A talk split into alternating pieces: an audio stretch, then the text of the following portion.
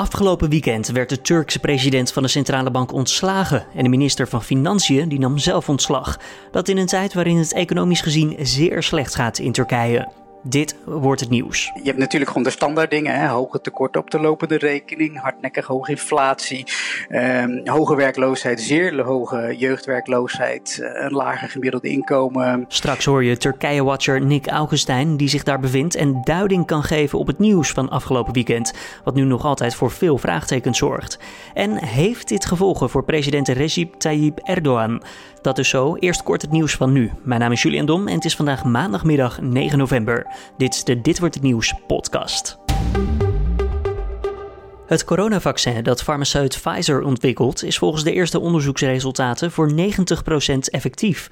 Dat is een stuk positiever dan vooraf werd ingeschat door experts. Volgens het bedrijf kregen proefpersonen volgens deze eerste resultaten geen ernstige bijwerkingen. Er volgen nog meer tests voordat het vaccin uiteindelijk op de markt verschijnt. Het kabinet wil een algeheel vuurwerkverbod voor de komende jaarwisseling. Dat bevestigen bronnen maandag na de berichtgeving van de NOS. Het voorstel wordt dinsdag besproken en verwacht wordt dat het kabinet vrijdag in de ministerraad de knoop doorhakt. Het kabinet heeft die tijd nodig om de compensatie voor de vuurwerkbranche rond te krijgen.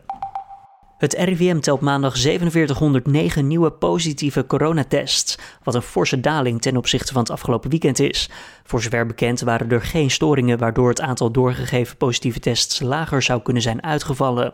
Sinds zondag zijn 40 corona-gerelateerde sterfgevallen doorgegeven en dat zijn er ook minder dan op zondag. Toen werden nog 44 sterfgevallen gemeld.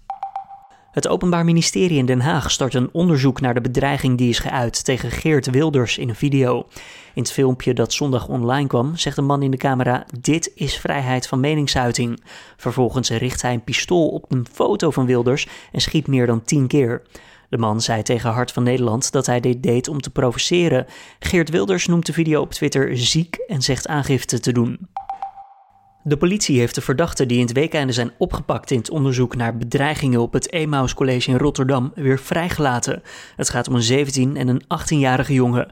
Een leraar van de school is vorige week naar de bedreigingen ondergedoken. En die bedreigingen die werden geuit vanwege een spotprent van een jihadist die hij in het klaslokaal had hangen. De twee jongens blijven wel verdachten en moeten op een later moment voor de rechter verschijnen. Een onrustig weekend in Turkije, daar praten we over. Zaterdag werd namelijk de president van de Turkse Centrale Bank ontslagen en zondag kondigde de minister van Financiën zijn vertrek aan. Turkije verkeert momenteel in economisch zwaar weer. De Turkse lira daalt snel in waarde en de inflatie houdt ondertussen aan. Ik praat erover met Turkije-watcher Nick Augustijn, die in Turkije is voor nu.nl. Uh, Nick, zaterdag werd dus het hoofd van die Turkse Centrale Bank vervangen door uh, president Erdogan. Waarom is dit besluit genomen?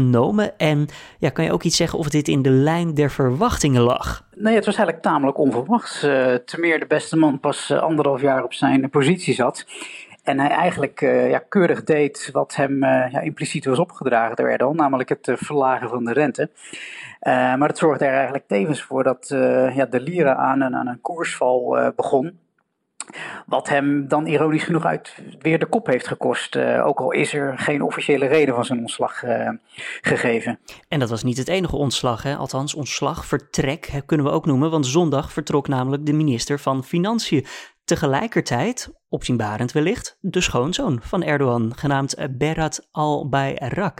Hebben die uh, ja, twee wijzigingen met elkaar te maken? Nou ja, als je het positief bekijkt wel, dan zou je kunnen zeggen van hey, dit is misschien een signaal dat uh, Turkije een andere economische koers gaat varen. Want uh, zowel uh, Al-Bayrak als Erdogan, die, die hielden vast aan het onorthodoxe standpunt, hè, dat de rente zo laag mogelijk moest zijn onder alle omstandigheden.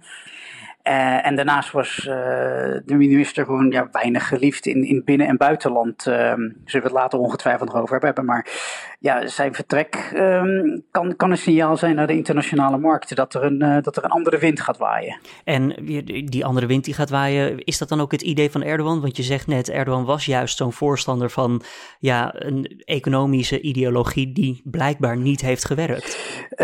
nou ja, misschien is dan nu toch de, de ernst van de zaak tot de president doorgedrongen.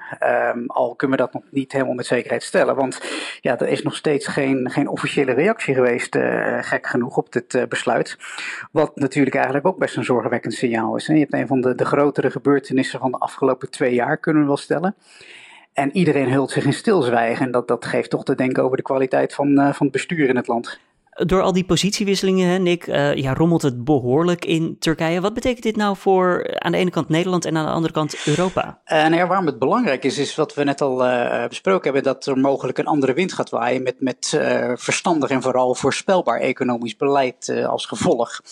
Um, dat is onder andere belangrijk voor Nederland, omdat ons land tot de grootste, zo niet de grootste investeerder in de Turkse economie behoort. En die economie, uh, laten we wel wezen, die was in een sneltreinvaart op weg naar een uh, valutacrisis. Ja, en simpel gezegd, dergelijke problemen in, in zo'n grote economie aan de rand van Europa, ja, dat wil je er gewoon niet bij hebben zo op het einde van 2020. Omdat we hebben natuurlijk ook de coronacrisis, dat dan ook nog eventjes. Ik zie, ja. ik zie wat je bedoelt. Uh, en dat is dan Nederland, maar voor heel Europa heeft Turkije een groot belang? Ja, ik bedoel, uh, voor, voor alle uh, praatjes dat de Turkije de oren naar Rusland en het Midden-Oosten laat hangen, is natuurlijk Europa nog steeds met afstand de belangrijkste handelspartner van, van Turkije. Dus ja, zolang het hier niet helemaal instort, ja, is, is Europa daarbij gebaat natuurlijk. Ten meer omdat je uh, allemaal nog uh, politieke narigheid uh, uit zo'n crisis kan verwachten. Dan even terug naar de minister van Financiën. Voor zover hij nog daadwerkelijk de minister van Financiën is. Deze Albayrak moet dus officieel nog naar buiten komen. Nick, was hij nou de juiste persoon op de juiste plaats? Was hij geschikt voor die positie? Um, nee, nee, daar kunnen we kunnen kort over zijn, absoluut niet. Uh, sterker nog, uh, er bestonden en er bestaan hele grote twijfels of hij überhaupt een, een PhD-titel heeft.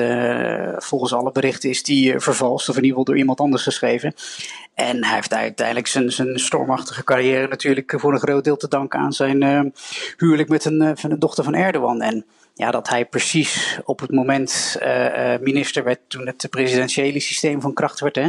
Het door Erdogan zo gekoesterde systeem. Ja, dat bevestigt eigenlijk alleen maar het, het soort bananenrepubliek sentiment. En hij lag ook heel moeilijk binnen de partij, die hem als een soort van ja, opgelegde kroonprins zagen. Uh, en ja, in, in de afgelopen jaren, ja, daar kwamen allerlei vriendjes van bedenkelijk op niveau belangrijke posten terecht. Uh, heel matig in zijn communicatie naar internationale investeerders. Hij uh, praatte altijd mooie praatjes over de economische vooruitzichten, deed alles veel rooskleuriger voorkomen. En ja, zelfs die, die valutacrisis, die, die wimpelde hij af als iets dat ja, voor de bevolking nauwelijks relevant was. Dus ja, dat. Um, nee, hij heeft zichzelf geen, uh, geen plezier gedaan, laat ik het zo zeggen. Nou, dat is duidelijk. En eh, volgens mij, uh, als je dit zo allemaal leest, denk je van nou, het staat redelijk op zich. In Turkije wordt het een en ander gesleuteld aan de regering. Misschien, zoals je aan het begin al zei, een frisse wind. Maar het heeft ook nog eens iets te maken volgens mij met de Amerikaanse verkiezingen die we net, nou ja, niet achter de rug hebben. Maar we weten wie daar nu de nieuwe president zal worden. Ja, ja, ja, want, want dat moet je hem wel nageven. Hij is, uh, de, de, de, minister is erg succesvol gebleken in het uh, faciliteren van die, die achterkamerpolitiek, hè, die, die bromance tussen Erdogan en Trump. En dat heeft Turkije geen, geen windeieren gelegd. Uh, het land heeft de afgelopen jaren ja, redelijk straffeloos kunnen opereren. maar ja, nu Trump richting de uitga, uitgang gaat, is die troefkaart van Al-Bayrak ook uitgespeeld. En ja, kan hij eigenlijk feitelijk nergens op terugvallen, behalve zijn status als, als schoonzoon van hebben dus slecht economisch leiderschap gezien, zou je kunnen zeggen. Um, Nick, jij bent daar ook daadwerkelijk ter plekke in Turkije. Kan jij een beeld schetsen van hoe de economie er daar op dit moment daadwerkelijk voor staat? Hoe slecht gaat het eraan toe op het moment? Ja, god, uh, waar, waar wil je beginnen? Ik bedoel, de, je hebt natuurlijk gewoon de standaard dingen. Hè? Hoge tekorten op de lopende rekening, hardnekkig hoge inflatie, um, hoge werkloosheid, zeer hoge jeugdwerkloosheid, uh, een lager gemiddeld inkomen.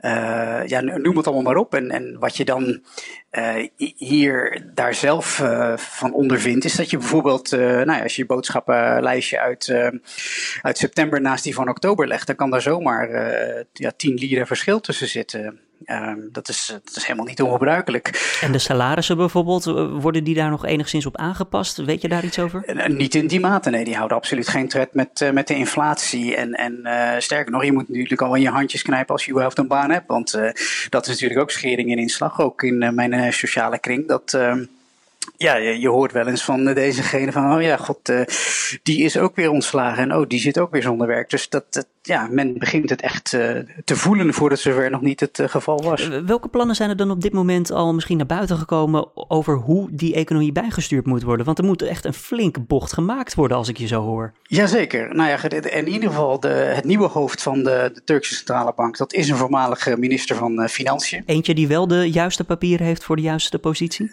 naar verluid wel, absoluut, absoluut. En uh, ja, dat is in ieder geval een persoon die, uh, wat ik al zei, die zich uh, ja, die, die redelijk goed ligt uh, bij, de, bij de internationale markten. Tegelijkertijd is het een goede bekende van Erdogan. Al kun je dat natuurlijk op twee manieren uitleggen. Hè. Of het is iemand die daardoor tegengas kan geven. Of het is nu letterlijk een verlengstuk van de president op die stoel. waardoor de centrale bank nog minder, on, nog minder onafhankelijk is. Um, en daarnaast, ja, zo'n persoon kan natuurlijk corrigeren wat, uh, wat hij wil. Maar als dat niet hand in hand gaat met structureel ander overheidsbeleid, ja, dan is alles wat je nu wint van tijdelijke aard. Um, Al-Bayrak zelf, ja, de opvolging, uh, er gaan een aantal namen rond. Uh, de voormalig minister, of de voormalig vicepremier moet ik zeggen, Nurettin Canikli. Um, ook de naam van de voormalig premier uh, Yildirim wordt genoemd. Hè, het trouwe werkpaard van, uh, van Erdogan. Die uh, overigens net als Al-Bayrak geen ervaring heeft met de portefeuillefinanciën. en wat we natuurlijk al, al zeiden gedurende dit gesprek. Het is, het is natuurlijk ook nog steeds de vraag of Erdogan het ontslag van zijn eigen schoonzoon um, uh, accepteert natuurlijk. Want als we daarover verder gaan, de impact op Erdogan, ja, die is er natuurlijk ook. Men kijkt naar de president vanwege het economische wanbeleid. Hij wordt erop afgerekend. Hij stelt de mensen aan op die posities, lijkt het. Nou ja, hij is heel goed in het uh, opvoeren en ook afvoeren van zondebokken, waardoor hij uh, redelijk buiten schot blijft. Maar laten we wel zijn, de, de impact is, is tamelijk desastreus. Ja, op een gegeven um, moment kijkt de bevolking daar toch gewoon doorheen. Die, hebben dan, dat, die kennen dat trucje zeker, toch inmiddels zeker, wel. Ja. Ja, want laten we eerst even kijken hoe, het, uh, hoe dat uh, helemaal ging uh, afgelopen weekend. Wat het ontslag van de minister, of de, het ontslagverzoek van de minister betrof. Het ging via Instagram notabene. vervolgens geen enkele officiële reactie. Niet van het ministerie, niet van het nieuwe en gigantische communicatiedirectoraat. Niets van de Erdogan zelf ja, bijna 24 uur radiostilte. En ja, dat zegt natuurlijk iets over het bestuur van het land. Dat schijnbaar iedereen naar elkaar kijkt in, in afwachting van uh, ja, welk signaal komt er uit het uh, paleis. Ja, als we iets weten over communicatie en berichten naar buiten brengen, niets zeggen betekent dat er aan de ene kant geruchten ontstaan. Nou, mm -hmm. dat zou je niet willen, neem ik aan, als centrale regering. En aan de nee. andere kant betekent het dat er geen overeenstemming is binnen de centrale bericht, uh, regering. Anders was er wel meteen een communicado naar buiten gebracht. Ja, nou, wat ik al zei, het is gewoon uh, een, een, bende die zo'n ja, zo'n land niet waard is. en dat zag je ook terug op de televisie. Niemand deed een piep. Ook de kranten die ik vanochtend zag, niks. Um, dus ja, het is, het is zo raar. Um, maar ja, even terug naar de keuze waar Erdogan voor staat. Uh, dat is natuurlijk ook geen makkelijke. Laat hij zijn schoonzoon gaan, dan geeft hij eigenlijk toe dat zowel hij als, als uh, Al-Bayrak gefaald hebben. En dat zijn uh, aanstelling vanaf het begin een slechte beslissing was. Ja, houdt die voet bij stuk. Dan, dan wordt dat vriendjespolitieke element onderstreept en negeert hij de steeds luider wordende geluiden van binnen- en buitenland. Dat men niet op uh, Al-Bayrak zit te wachten. Want uh, met die aankondiging, niemand sprong voor hem op de bres. Um, en dat was een paar maanden geleden wel anders. Toen um, zijn grote concurrent uh, achter de schermen, die minister van Binnenlandse Zaken Soylu, zijn vertrek aankondigde. Ja, die bleek een enorm machtsblok achter zich te hebben, ook onder de bevolking, waardoor uh, ja, Erdogan bijna genoodzaakt was dat niet te accepteren. Maar ja, hier ligt dat toch anders. Um, en natuurlijk ook persoonlijk interessant, want ja, nu ligt het project om die Al-Bayrak via financiën als kroonprins eh, klaar te stomen als eventuele opvolger, ja, dat ligt nu in duigen. En uh, het is pijnlijk duidelijk geworden dat zelfs de eigen AKP-partij niet op hem zit te wachten. En dat op zijn beurt roept dan weer vragen op over ja, de grip van Erdogan op de partij en daarmee het land. Dankjewel, Turkije-watcher Nick Augustijn vanuit Turkije. Dan nog eventjes het weerbericht. In het noordoosten overheert de bewolking en lokaal valt daaruit nog wat regen. Elders flink zonnige periode. Bij een zwakke zuidoostenwind ligt de temperatuur tussen de 13 en 17 graden. Vanavond en vannacht neemt de bewolking overal toe en is er in het noorden en westen kans op een bui. Verder ontstaat verspreid over het land wat nevel of mist. De temperatuur die ligt vannacht tussen de 5 en 8 graden. Dan kijken we ook nog eventjes naar morgen. Dan vrij veel bewolking. Vooral in het zuidoosten schijnt af en toe ook nog wel eventjes de zon. En later volgt een bui. Om af te sluiten hebben we het over de marathon van Rotterdam. Die wordt namelijk in 2021 niet in de lente, maar in het najaar gehouden. Dat is zo besloten vanwege de coronapandemie. De 17.000 startbewijzen die voor april dit jaar, dus april 2020 al zijn verstrekt, zijn ook geldig voor 24 oktober 2021. Op die datum wordt de 40ste editie, zoals het er nu uitziet, gelopen in Rotterdam. En dit was dan de Dit Wordt Het Nieuws middagpodcast van deze maandag 9 november. Heb je tips of feedback voor ons? Dan kan je dat laten weten natuurlijk via dat welbekende mailadres podcast.nu.nl. Ik wens je voor nu een hele fijne avond. Mijn naam is Julian Dom. Morgenochtend om 6 uur is Dominique Schepte weer met het laatste nieuws van nu. En ik spreek je morgenmiddag weer. Tot dan.